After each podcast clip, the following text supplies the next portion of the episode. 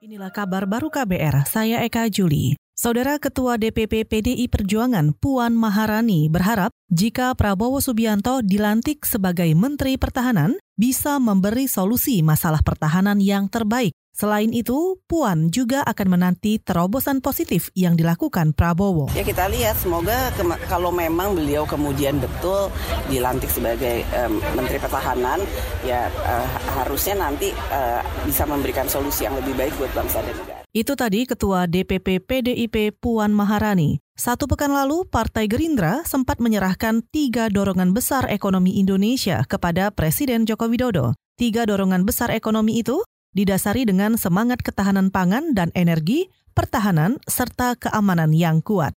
Saudara rencana Presiden Joko Widodo memangkas jabatan eselon 3 dan eselon 4 berpotensi memunculkan gejolak dan resistensi dari internal birokrasi. Direktur Eksekutif Komisi Pemantauan Pelaksanaan Otonomi Daerah atau KPPOD Robert Endi Jaweng mengatakan pemangkasan ini akan diikuti dengan pengurangan pendapatan dan tunjangan. Itu memang punya kompetensi tinggi, kinerjanya bagus, maka sistem insentifnya yang akan diperkuat. Sebaliknya mereka yang kinerjanya buruk, maka disinsentif yang harus diperkuat, uh, di, diberikan gitu kan. Tidak selama seperti selama ini, pejabat itu sekali dia duduk, bagus nggak bagus, tetap tinggi gajinya. Nah yang paling penting peta kompetensi atau apa uh, kebutuhan kompetensi kita itu apa. Jadi bukan kemudian jabatan fungsional itu seperti tampungan, nampung pejabat-pejabat yang kehilangan jabatan atau kehilangan identitas pejabatnya. Direktur Eksekutif Komisi Pemantauan Pelaksanaan Otonomi Daerah atau KPPOD, Robert Endi Jaweng juga menyarankan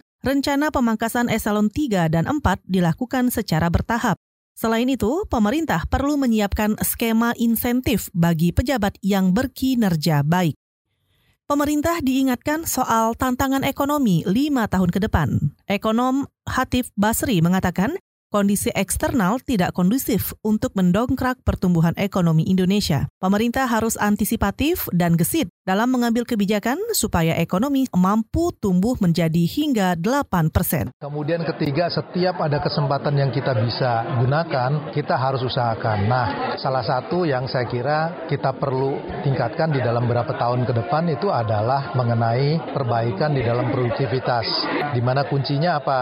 Nomor satu itu adalah industrialisasi, kemudian juga institusi yang baik, ya, kemudian juga konsolidasi di dalam lembaga keuangan. Ekonom sekaligus bekas Menteri Keuangan Hatip Basri sepakat dengan pandangan ekonom Faisal Basri yang menyebut dibutuhkan rasio investasi terhadap produk domestik bruto atau PDB hingga 6,2 persen untuk menciptakan pertumbuhan ekonomi 1 persen. Artinya dibutuhkan rasio investasi hingga 37 persen terhadap PDB untuk menghasilkan pertumbuhan ekonomi 6 persen. Angka itu dinilai terlalu boros dan mencerminkan lemahnya produktivitas ekonomi. Badan Meteorologi, Klimatologi, dan Geofisika atau BMKG mencatat suhu udara siang hari di sejumlah daerah terasa panas dan terik.